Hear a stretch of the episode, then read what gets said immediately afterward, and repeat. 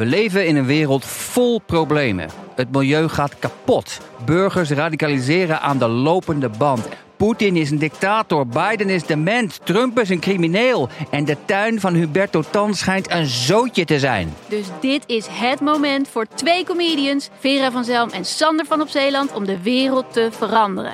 Alles moet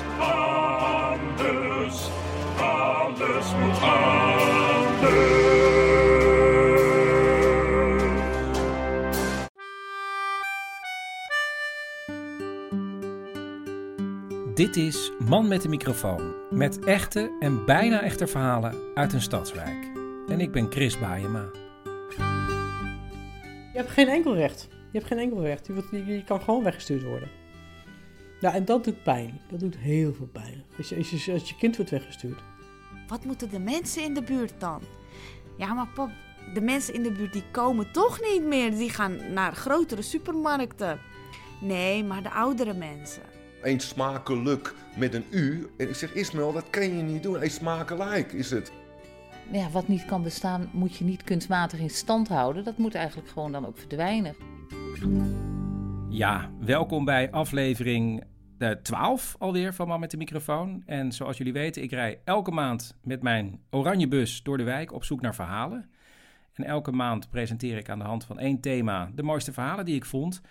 En ehm, ja, we gaan zo beginnen. Maar eerst is er ruimte voor mijn sponsor, de Koffie Company.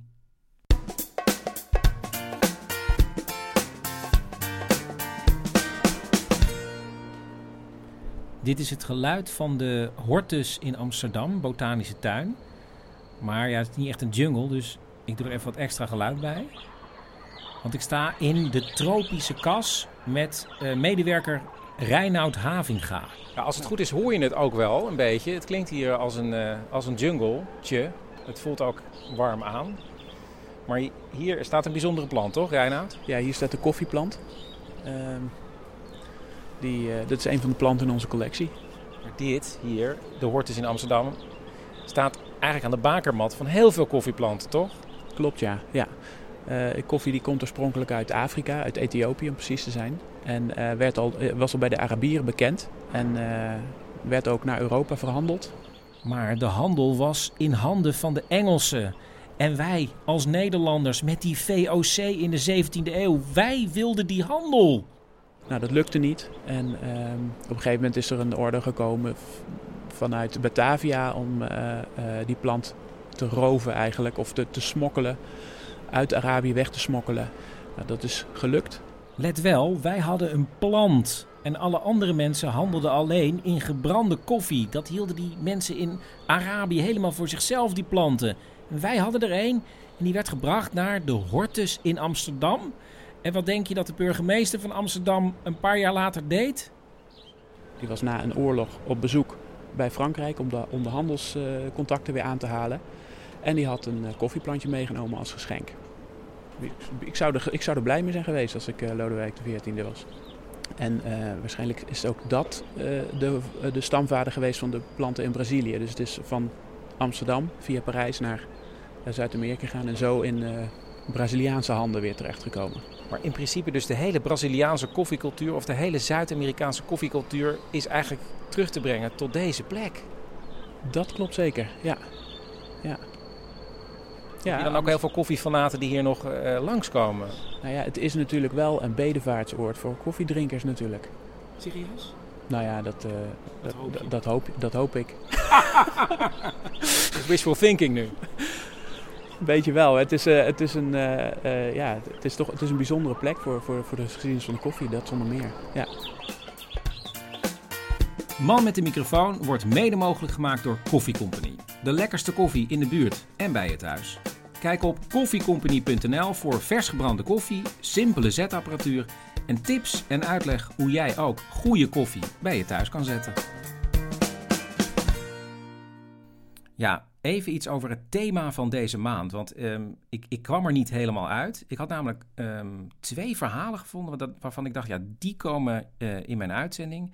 En ik dacht eerst van ja, het gaat eigenlijk in allebei die verhalen gaat het over de ander. Hoe mensen naar een ander iemand kijken. Dus toen dacht ik, misschien is het thema de ander. Maar even later dacht ik, nee, nee, het gaat over helpen. En toen dacht ik weer, het thema is helpen. Ehm, hou het kort, hè? Oh ja, sorry. Nou, er zijn ook namelijk eh, bijna echte verhalen. Dat zijn gewoon geschreven scènes met acteurs. Dus dan moet je op een gegeven moment echt kiezen wat het thema is. Dus bij deze is het thema helpen.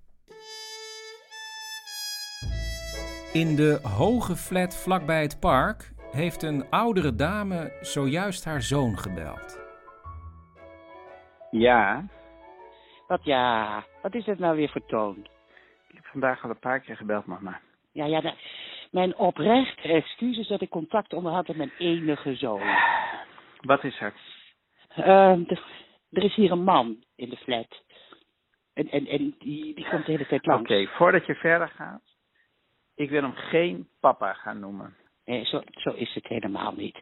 Maar hij komt de hele tijd zijn hulp aanbieden. En wat wil hij dan doen? Nou, gisteren kwam hij primula's brengen. En die wil hij dan ook meteen in een hangmand doen. Terwijl, een hangmand, als ik nou ergens helemaal niks mee heb, Mama. dan is het. Mama, dus hij kwam eigenlijk gewoon een cadeautje brengen. Dat is toch heel aardig? Of wilde hij geld van je? Nee, het, het was zomaar. Het, het- en hij wil ook meteen die spiegel ophangen die bij mij op de gang staat. Kortom, een hele prettige, hulpvaardige man. Maar ik wil dat niet. Nou, dan zeg je dat. Dank u wel, meneer Huppel eh, de Pup. Eh, Gerard. Nou, dan zeg je... Gerard, heel leuk en aardig, ik knap hier mijn eigen zaakjes op. En anders heb ik een hele lieve zoon die best mijn spiegel kan ophangen. Nou, als, als we op die hele lieve zoon moeten gaan wachten, Mama, dan kunnen... ik ben er toch best vaak. Echt waar. En andere mensen hebben broers en zussen die ook meehelpen. Ja, gaan we dit pad weer op? Ben jij de solo? En jij ja. hebt alleen maar mij. En Gerard. Nou, ik, ik, ik bel dus eigenlijk met jou om te zeggen dat ik niet wil dat Gerard hier de hele tijd dingen komt doen. Dat is Die de reden. eigenlijk ook zou kunnen doen. Hey, de boiler die eh, doet ook gek. Prima, mama. Ik kom vanmiddag wel even langs. Hm?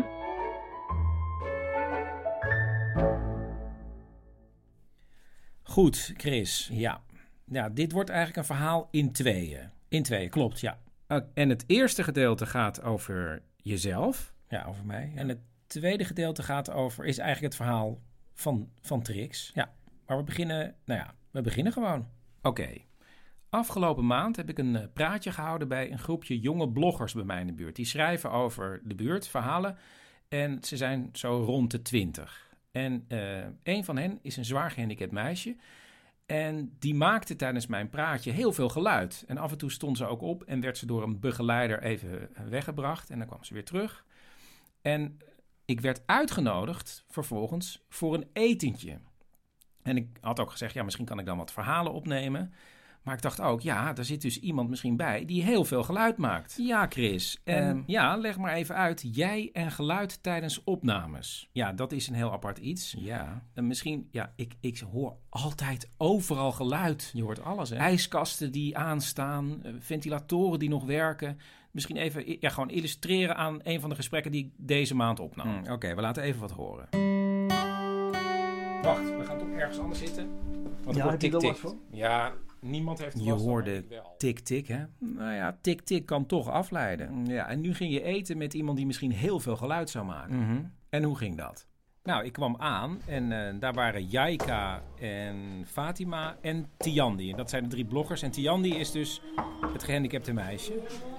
Hallo, Chris. Oh ja, en dit is dus eh, Trix, hoorde je. Die zei hallo, Chris. Dat is de moeder van Tiandi. En je had ook nog Floor. En dat was een assistent van eh, Tiandi. En hoe was het? Ja, eh, ja, eigenlijk wel heel gezellig. Nog een keer, Chris? Ja. En wat horen we nu? Ja, dit is eigenlijk het enige wat ik eh, na de entree heb opgenomen die avond. Ehm, ja, ik vond het toch raar met al die geluiden. Maar eh, je hoort Tiandi en die kan niet praten. Eh, ze kijkt je ook niet aan. Maar ze kan wel communiceren.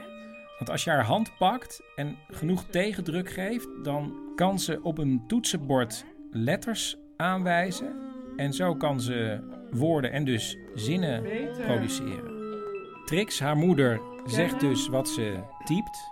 En eh, ja, dit is eigenlijk het eerste etentje van een hele marathon van etentjes. En Tian die zegt dat ze hoopt dat mensen elkaar door die etentjes leren respecteren. Respecteren. En dan is de techniek zo dat, dat er soms letters wegvallen. Zie je dat? Oh, nou. Het gekke is, als ik het zelf beluister, vind ik het eigenlijk raarder klinken dan het in het echt is. Oh, ja, want ehm, ja, je hebt een gesprek met elkaar. En eh, af en toe maakt Tian die geluid. En eh, soms loopt ze ook weg met eh, haar assistent Floor. En dan is ze een tijdje weg en dan komt ze weer terug. Maar het is niet zo dat je helemaal geen gesprek bijvoorbeeld kan, kan voeren met mensen. Oh ja. En maakte zij dan heel veel indruk op jou? Ja, nee. Ja, zij maakte heel veel indruk. Maar wie nog meer indruk maakte die avond, was haar moeder Trix. Want die bleef voortdurend heel stoïcijns als eh Tian die geluid maakte. En dat was een soort enorme ja, rust in de branding, zou ik het willen noemen. En ehm, nou, we hadden op een gegeven moment een gesprek. En toen bleek dat Tian die vroeger nooit naar een school mocht. Geen enkele school wilde er toelaten. En eh, toen zei Trix dat zij zich sterk maakt voor inclusief onderwijs. Dat iedereen naar school mag. En dan niet voor iedereen een aparte school. Nee, iedereen naar dezelfde school. Nou, dat klinkt heel goed. Ja. Maar er gebeurde tijdens het gesprek toen ze dat vertelde iets heel raars in mij.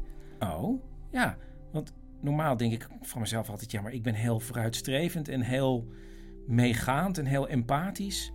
Maar ik dacht, hé, maar als er in de klas van mijn zoons bijvoorbeeld iemand zou zitten die zoveel geluid zou maken. Ja, dan? Ja, maar dat kan toch helemaal niet? Ja, maar dan kan toch zo iemand even weer weglopen? Of heeft hij er ook nog begeleiding bij zich? Ja, nee, ja. De- de- het idee van inclusief onderwijs is dus dat iemand gewoon zijn eigen begeleider ook meeneemt. En dan ja, diegene onder de hoede neemt, maar ook bijvoorbeeld andere kinderen in de klas. Dan heb je gewoon ja, twee leraren voor een klas. En dat vond jij, ja, dat vond ik eigenlijk een heel slecht idee.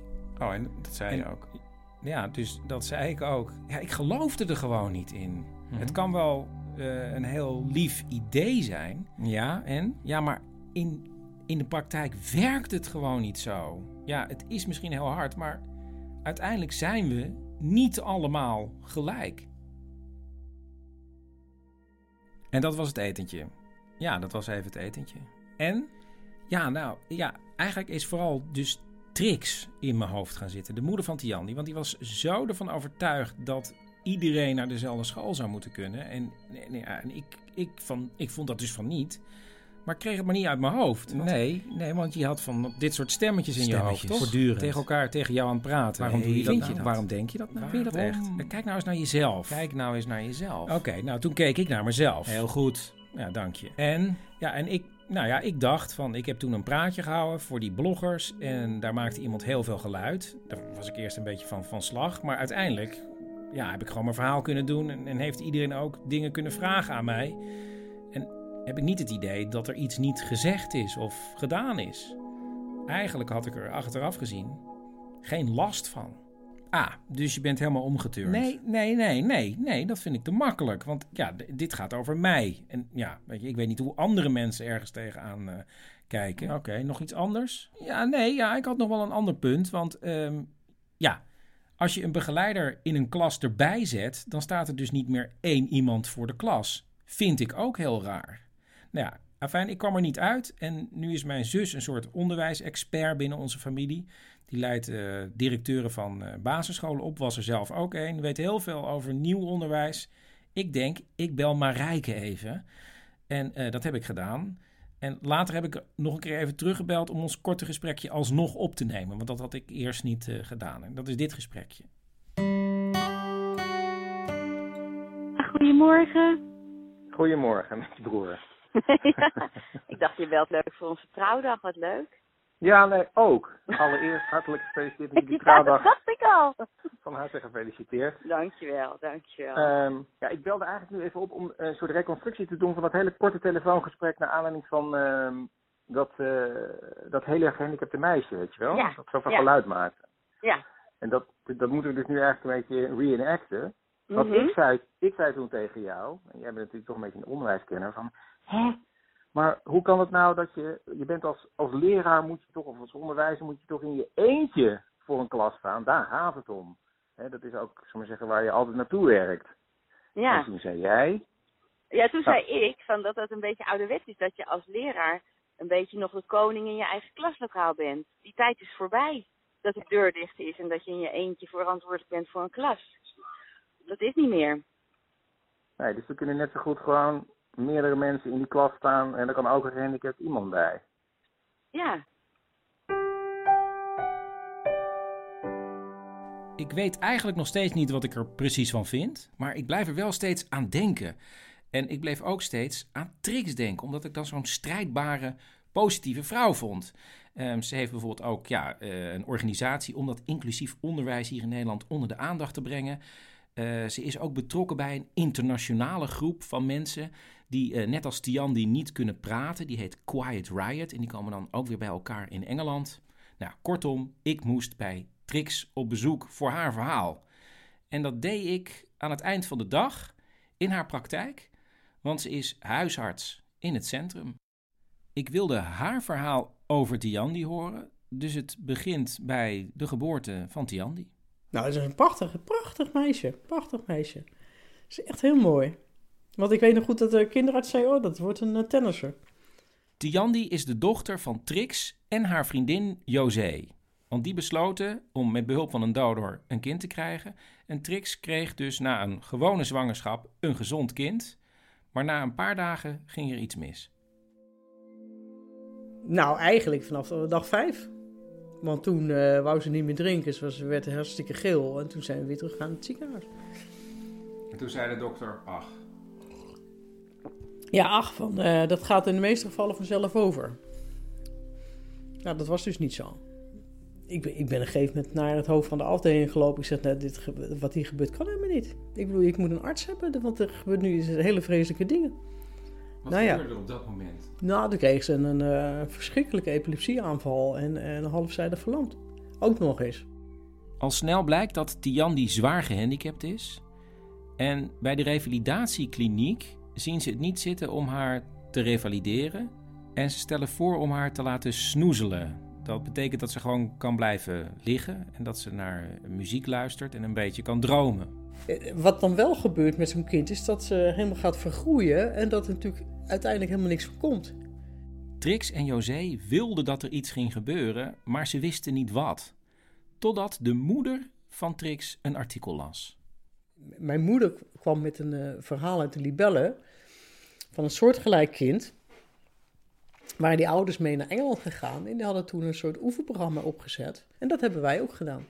Trix en José gaan naar Engeland en leren daar in ieder geval twee belangrijke dingen. Allereerst heel goed revalideren. Eindeloos oefeningen doen. En dan niet één uurtje per dag of een half uurtje per dag, wat hier vaak is. Nee, vijf uur per dag.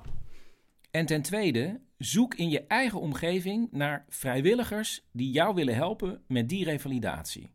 En dus verspreiden ze in hun eigen buurt allemaal briefjes. Ehm, zoiets van, goh, ehm Tjan is een leuke, mooie meid en, en die wil graag leren kruipen. Zoiets. Wie wil meehelpen haar dat te leren? Zoiets, geloof ik. En dan minimaal drie uur per week, of drie keer een uur per week. Nou, en toen kregen we, nou, ik denk dat we iets van twintig mensen hadden. En dan kon je vijf dagen in de week mee vullen. Twintig mensen die ombeurten met z'n tweeën of z'n drieën Tian die vasthielden en oefeningen met haar deden. En toen het gezin zich ging uitbreiden en Trix en José met Tian die verhuisden naar een dorp, vonden ze weer nieuwe vrijwilligers. Nou, en, en dat was ook zo leuk, want die mensen hebben heel lang nog eh, zijn blijven zitten. Inmiddels was een broertje geboren en later kwam het zusje ook nog. We kregen een gratis buurtoma bij. Die ging op die andere twee passen de hele tijd. Ja, dat was, was eh, echt, echt waanzinnig. Dat was heel leuk. Het vreemde is dat als ik met eh, Trix praat, dat ik af en toe denk, "Boe, je bent wel heel positief. Ehm, want ja, af en toe word je er toch ook moedeloos van? Ik heb meer ingezien dat, het, eh, dat je dus jezelf ermee kapot maakt. En daar heeft Jan natuurlijk ook niks aan. Trix en José hebben volgens het Amerikaanse methode ook echt geleerd om vooruit te kijken en positief te denken. Maar ze is ook echt een heel opgeruimd type. Ik snap wel dat je het... Ja. Kijk, ik denk ook elke, elke Hmm. ochtend, het is een mooie dag. Maar soms denk je, ja, fuck, weet je wel. Nee, nee, nee, nee, nee. Trix is het meest opgeruimde type op aarde. En er komt een award nu ook de straat binnenrijden. Ze komen hem uitreiken aan jou. Nee, nee, nee, nee, maar ik, ik, ik- volgens mij eh, zie je wij, zijn er veel meer mensen die zo in elkaar zitten als ik hoor. Echt waar. En José? Ja, die zit ook zo in elkaar. Waar, waar we elkaar ontmoeten op een soort... Oh, voetbal. Ja, de- kijk, weet je wat natuurlijk, misschien is dat ook wel, dat je, dat je als eh, lesbische vrouw, hè, sowieso ga je niet mee het normale. En dus dat geeft een enorme eh, kracht ook, hè? dat je denkt, oh ja, ik doe het op mijn eigen manier. En eh, als, het, als het, eh, de overheid, dat de maatschappij niet doet zoals ik het wil, dan doe ik het zelf, op een andere manier. En die strijdbaarheid heb je gewoon doorgetrokken. Ja, gewoon doorgetrokken. Ja, ik denk wel eens als zij niet er was geweest, ja, wat had ik dan gedaan? Ik denk in de, weet ik veel, tegen, met pacifisme bezig gegaan. Of, of eh, toch, want ik was daarvoor ook al naar eh, Mexico geweest als, eh, zeg maar, ontwikkelingssamenwerker. Zoiets gedaan. Of de Artsen zonder Grenzen, of weet je wel, iets dergelijks. Ja, maar nu kwam dit op mijn pad. Dankzij het revalideren gaat Tiandi er fysiek enorm op vooruit. Het blijft echter gissen wat haar verstandelijk vermogen precies is. Maar het valt wel op dat wanneer ze in de buurt van een school zijn, dat Tiandi dan met haar driewieler een klaslokaal wil inrijden. En dus doen Trix en José er alles aan om haar op een school te krijgen. Maar dat lukt niet. Je hebt geen enkel recht. Je hebt geen enkel recht. Je, wordt- je, je kan gewoon weggestuurd worden. Ja, en dat doet pijn. Dat doet heel veel pijn. Als je, als je, als je kind wordt weggestuurd. Ja, wij gaan dit jaar een film draaien. Daar gaat al onze energie naartoe. Ja, we gaan dit jaar de school opknappen. Ja, we gaan dit jaar ehm, doen we een reisje naar Engeland. Eh, de meest onzinnige argumenten hadden ze. Echt vreselijk. Soms durft een juf of meester het wel aan om Tiandi in de klas te nemen met een begeleider. Maar als die juf of meester dan weer weggaat, dan is er geen plek meer voor Tiandi op school. Nu wil het geval dat er ook landen zijn waar scholen wel iedereen moeten toelaten. Bijvoorbeeld Italië. En als Tiandi een jaar of elf is, verhuist het hele gezin naar een dorpje in Italië en daar gaat ze naar school. Maar wat kon ze nou eigenlijk? Nou, ze kon niet zoveel hoor. En eh, ze kon vooral eh, kijken, luisteren en eh, ze probeerde... We waren wel al met pictors bezig. Dat zijn kleine afbeeldingen van bijvoorbeeld het huis, een vork. En, nou ja, daar maakten we dan verhalen van. En ehm, Die kon ze wel aanwijzen. ja, ja, niet echt hoor. Niet echt. Maar ze vond het wel heerlijk om er te zijn. En als het, als het even niet leuk vond, dan eh, liep ze de klas uit en ging ze naar het secretariaat. En dan vonden ze er ook allemaal hartstikke leuk. Iedereen vond het hartstikke leuk. Dat is het grote voordeel in Italië. Daar heten ze ciao bella. Iedereen zei ciao bella. Daar was niet die gehandicapte. Weet je wel? Van, hm, wat een enge, die maakt geluid. Nee, ze was de prachtige meid. Dat maakt natuurlijk enorm verschil voor. En, en, niet alleen voor haar, maar ook voor die andere twee kinderen. Die haar ook in eerste instantie als gehandicapte zagen. Ja, nee, natuurlijk kan die niet in de school, die is gehandicapt. En daar zagen ze, oh, mijn zus, dat is gewoon de mooiste meid van de klas. Wanneer een school in Almere als een van de eerste wel iedereen toelaat, verhuizen ze weer terug naar Nederland. Maar ze kunnen nog steeds niet goed communiceren met Tiandi. En dan vertelt iemand iets over een methode in Amerika. En dan gaan ze daar naartoe. Naar een vrouw die Marilyn heet. Eh, en dat was, nooit, en dat was een logopedist, hè? Die, die zegt, ja, wij leren bijna iedereen hier lezen en schrijven. En dus communiceren op een bepaalde manier. In één middag kregen wij door wat we de hele tijd verkeerd hadden gedaan. Want het werd ons verteld. Wij probeerden namelijk haar hand naar een toetsenbord toe te brengen. Terwijl het idee was dat je er juist tegenhoudt. Door tegen te houden kan Tiandi met veel meer controle haar vinger op een bepaalde letter drukken. En wanneer Marilyn vraagt aan Tiandi: Ja, je moeder leest een boek voor, maar waar speelt dat boek zich af? Dan gaat de vinger van Tiandi naar de V. E, N, E, Z, I, A. Venetia. En inderdaad, het boek wat zij voorgelezen krijgt speelt zich af in Venetië. Ja, dat, dat, dat is, dat, is heel, dat is heel raar. dat is heel raar, is dat. Trix zegt dat het is alsof een donkere hemel langzaam openscheurt. En ik wil op zoek naar een geluid. Als je het geluid zou moeten geven, ik ben heel erg van het geluid. Het is iets zo'n... Is het een soort brekend ijsgeluid? Ehm, krakend ijs. Weet je wel, als je op eh, eigenlijk te ondiep ijs eh, schaatst, dan kraakt het zo. zo een beetje muzikaal ijs. Muzikaal. En dan komen er van die barsten in, weet je wel. Dus het breekt niet, maar het barst. Pang, pang, weet je wel, pang. Zoiets.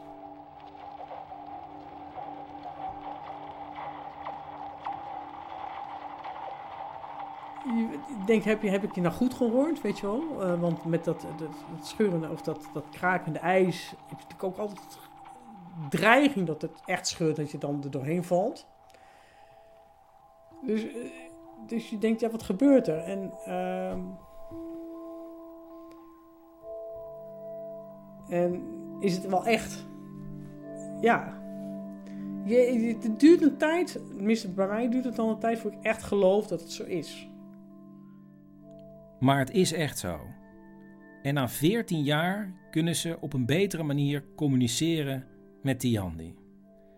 En Tiandi gaat naar een middelbare school in Engeland, want daar wordt ook iedereen toegelaten in bepaalde districten. En later haalt ze ook nog in Nederland een bachelor aan de Amsterdam University College.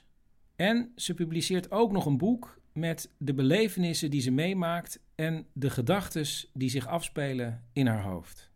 Ik blijf overigens nog steeds met Trix in discussie over de inclusieve school. Ehm, en dat gaat dan bijvoorbeeld als volgt. Maar uiteindelijk zijn we allemaal ongelijk. Het is een illusie om te denken dat we allemaal gelijk zijn. Nee, maar je, mag wel, je moet wel de gelijke kansen hebben. En dat is wat er niet gebeurt. Aha, ja, ja, Chris. Ja, punt voor Trix. Ja, oké, punt voor Trix. Ja, oké, maar wat heb jij nou het meest geleerd van Trix? Hmm, oh ja, nou, dat is eigenlijk nog helemaal niet aan de orde gekomen. Maar eh, tijdens dat etentje met de bloggers werd er gesproken over een theatervoorstelling. En daar zouden ze dan de volgende dag naartoe gaan. En toen zei Trix meteen, wij gaan ook. En dan denk ik, hè? Maar Tian die maakt ontzettend veel geluid. En ja, ik maak zelf ook een beetje theater, maar als je dan aan het spelen bent, dat kan echt niet. En dan denk je van, hé, maar, maar ze gaat eigenlijk Trix als een soort positieve stormram overal op af. Je bent een soort stormram. Nee, kijk, wat je moet, moet hebben... De stormram van... Nee, nee, wat je niet moet doen is zelfcensuur.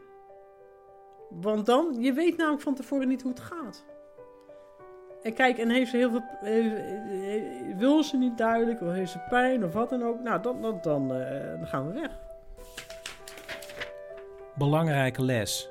Wat je niet moet doen is zelfcensuur, want je weet van tevoren niet hoe het gaat.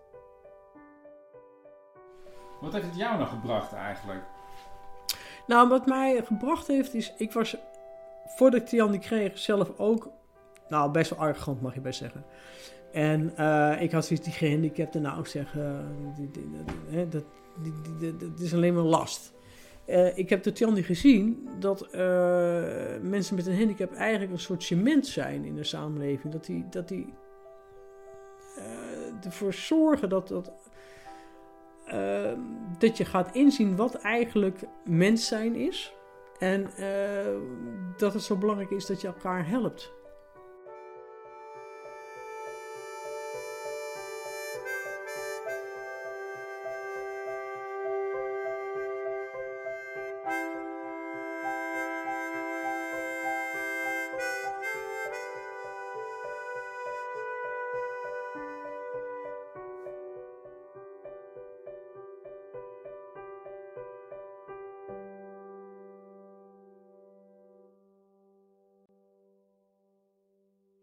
Je kan al een hele tijd een clubkaart kopen van Man met de microfoon. Dat is de kaart waar je helemaal niks mee kan, behalve kan laten zien dat jij iemand bent die zo'n kaart heeft. Die zijn te koop vanaf 25 euro. Kan je gewoon kijken op manmetdemicrofoon.nl.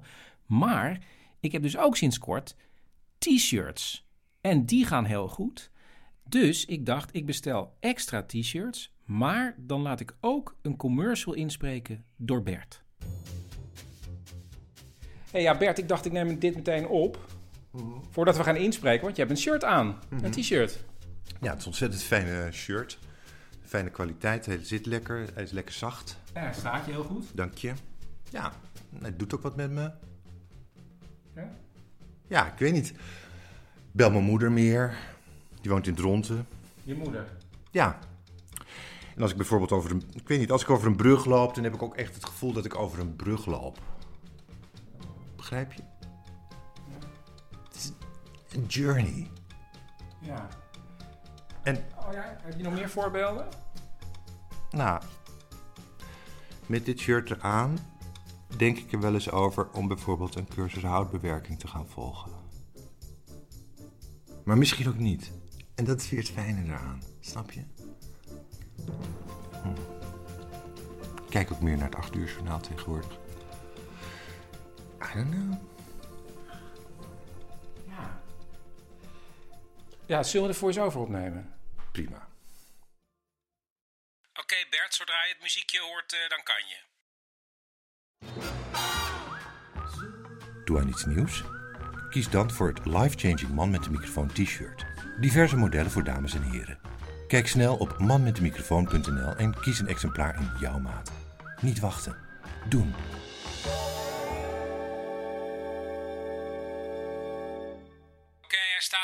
Bert. Dank je.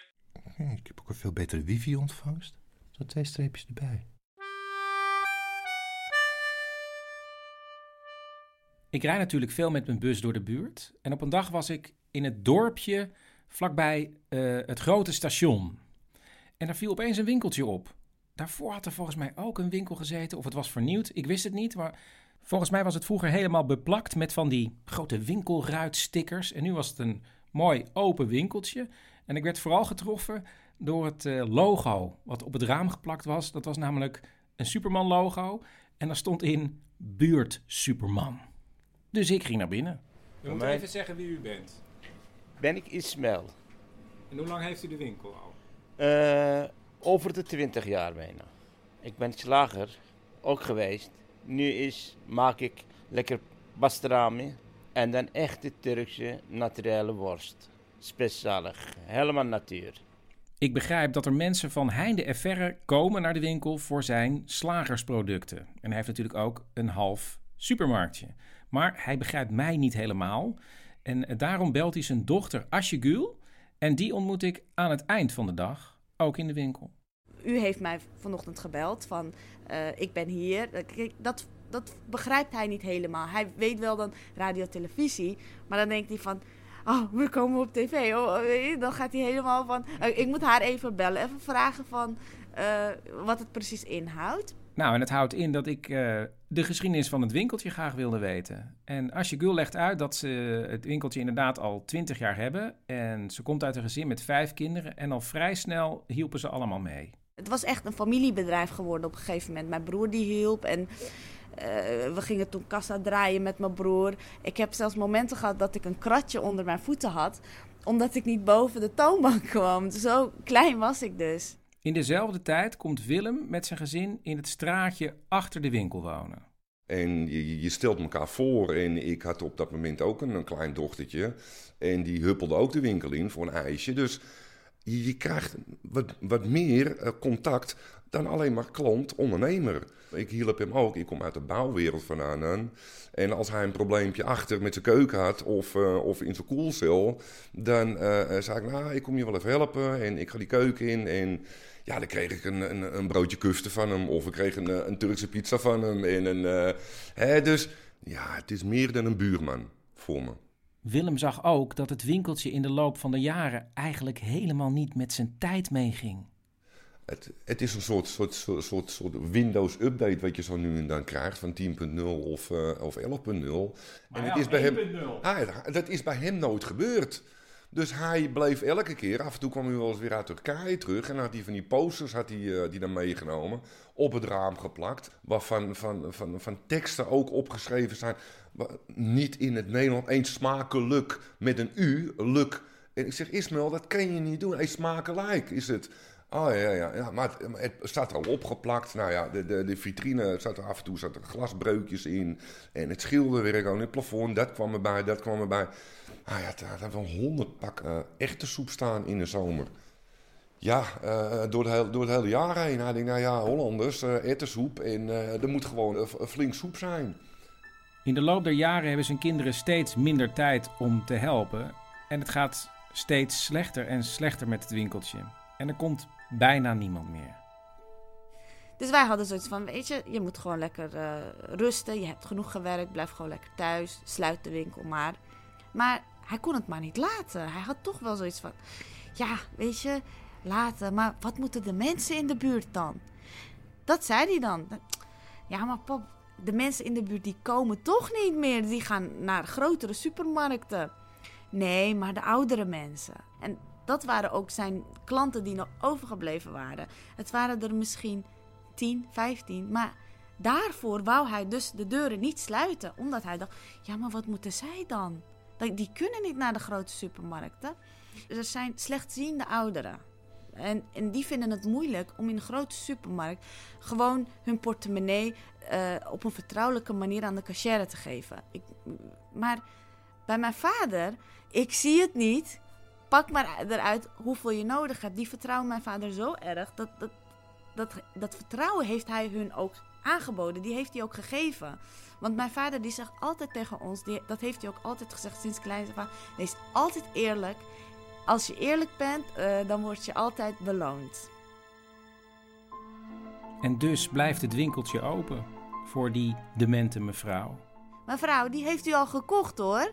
Die hoeft u niet te kopen. Oh, is dat zo? Ja, die heeft u vanochtend. Of die oude meneer die de snelheid van een supermarkt nooit zou overleven. Al sta je hier twee uurtjes lang boodschappen te doen. Hij zegt helemaal niks. Hij vindt het prima.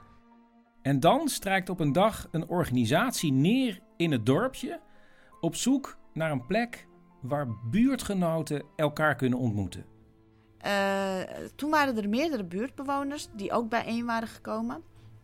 En toen hebben ze allemaal eh, ideeën gebracht van wat kunnen we doen, wat kunnen we doen. En toen uiteindelijk dachten ze van waarom eh, zoeken we eigenlijk een plek waar mensen bijeen kunnen komen. We hebben het al, maar we moeten het gewoon vernieuwen.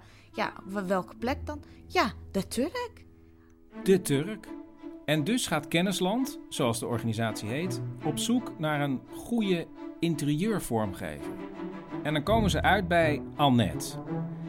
En die ontwerpt normaal, dat laat ze aan mij zien in een catalogus, voorbeelden van hele dure appartementen die gebouwd worden. Weet je Het zijn hele luxe appartementen. Ja, dat is allemaal al- altijd heel luxe. En het, eh, het grootste gevaar is dat je te goedkoop bent, zeg maar, weet je wel. Dus ja, Een hoogpolig tapijt. hoogpolig tapijt, goudkleurige... Goudkleurige raamkozijnen. Ja, goudkleurige raamkozijnen, witte banken. Allemaal nou, eigenlijk vond ik het ook wel heel interessant om een keer een soort, ehm, nou ja, vrijwilligerswerkachtig ding te doen. ik denk, ga ik eens goed doen voor de mensheid, weet je wel, zoiets. En dus besluit Annette samen met haar assistent Mireille het project aan te nemen. En ze gaat kijken bij het winkeltje. Oh my god, dacht ik echt. Wat een, wat een...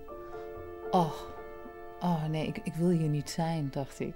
ik wil dit niet. Te oud. Je ziet gewoon dat iemand hier zijn geld niet mee kan verdienen.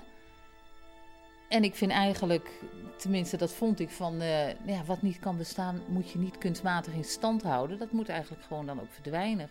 Maar ja, ja. Maar ja, ja, toch, weet je, dan kom je daar en dan praat je met zo'n eigenaar. En dat is eigenlijk een schatje, weet je wel, echt zo'n lieve man. En iedereen was heel erg begaan en iedereen wou ook helpen. Ook buurtbewoners, familie. Het was echt zo'n project zo van zo'n hele buurt. En dat was, nou dat vond ik toch eigenlijk wel. eh, dat ik dacht van, oh, weet je, ik hoef het niet in mijn eentje te doen. Annette maakt een simpel plan en samen met een aantal buurtbewoners, waaronder Willem, gaan ze aan de slag. De grote stickers worden van de ramen gehaald, de hele winkel wordt schoongemaakt en alles wordt opnieuw ingericht. En ondertussen leert Annette Ismaël steeds beter kennen. Ja, dan was het maandagochtend en dan werd hij dan gebeld door een hele oude mevrouw van 90 van... eh, oh, Ismaël, kan je me even naar het ziekenhuis brengen? Nou, dan sluit hij gewoon zijn winkel en dan eh, pakt hij zijn auto en dan, dan gaat hij ook met die mevrouw. Die brengt hij dan naar het ziekenhuis, weet je. Want dat, nou, dat vind ik dan zo aardig, bijna zo eh, niet meer van nu, dat dat nog bestaat. Nou, dat vond ik echt uniek. En dan ja, lopen daar gewoon toch een heleboel mensen rond... eh, waarvan je denkt, god, redden die het allemaal wel, weet je wel? Gewoon, gewoon best arm of, of oud of hulpbehoevend of, of echt zwaar onder de medicijn. En ook een heleboel gewone mensen, maar ook mensen waarvan je denkt van, gaat dit allemaal wel, weet je wel? Nou, en als die dan de kracht hebben om hun huis uit te gaan en er is even iemand aardig, nou, dat heeft toch wel heel veel impact op zo'n dag van, zo, van die mensen. Dat, eh, dat iemand hallo zegt, hoe gaat het? En ja, dat zoiets kleins toch wel ehm, wat kan betekenen, ja. ja. Je bent er echt door veranderd, toch? Nou, het heeft wel indruk op mij gemaakt. Want zoals ik daarheen ging, was ik een beetje zo... eh, ja. ja, ik voel me echt, ik voel me echt zo'n VVD'er, weet je wel, als je daarheen gaat. Als eerste naar zo'n winkeltje van hup, korte metten mee maken, weet je wel. Even aanpakken en... eh, maar nu ik dat zo heb gezien, ben ik daar toch wel anders over gaan denken, ja. ja. Eh, hij voelde zich gewaardeerd. Hij voelde zich voor het eerst in zijn leven misschien gewaardeerd.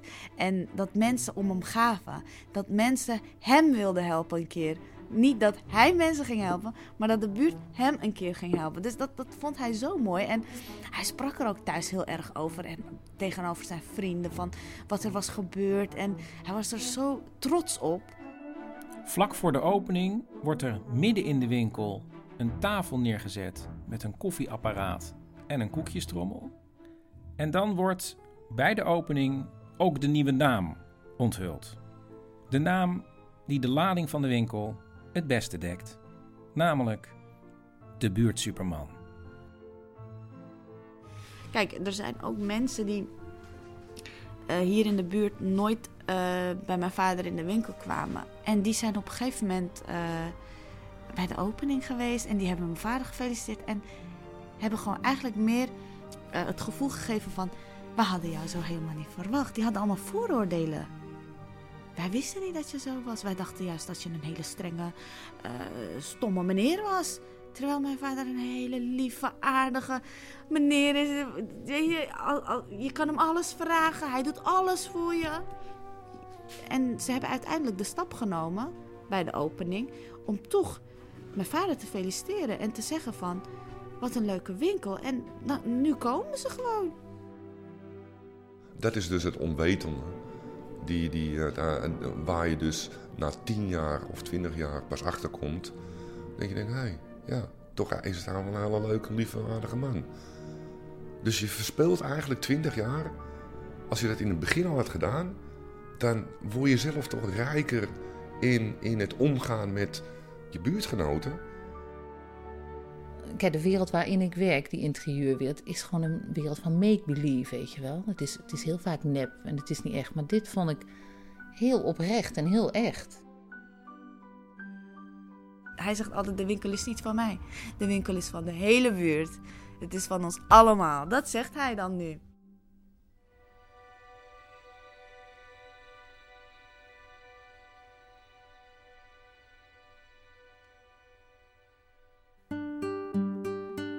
Dit was aflevering 12 van Man met de microfoon.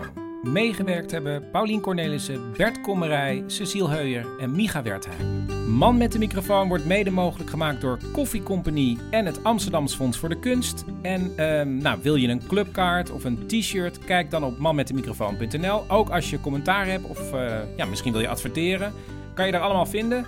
Ehm, dit is aflevering 12. We hebben nog één aflevering te gaan dit seizoen. Aflevering 13. Ugh, aflevering 13. Nou, ik zie een thema. Nou, dat bepaal ik zelf wel. Mensen, vertel erover, hè, over Man met die microfoon. Tegen je vrienden, je familie.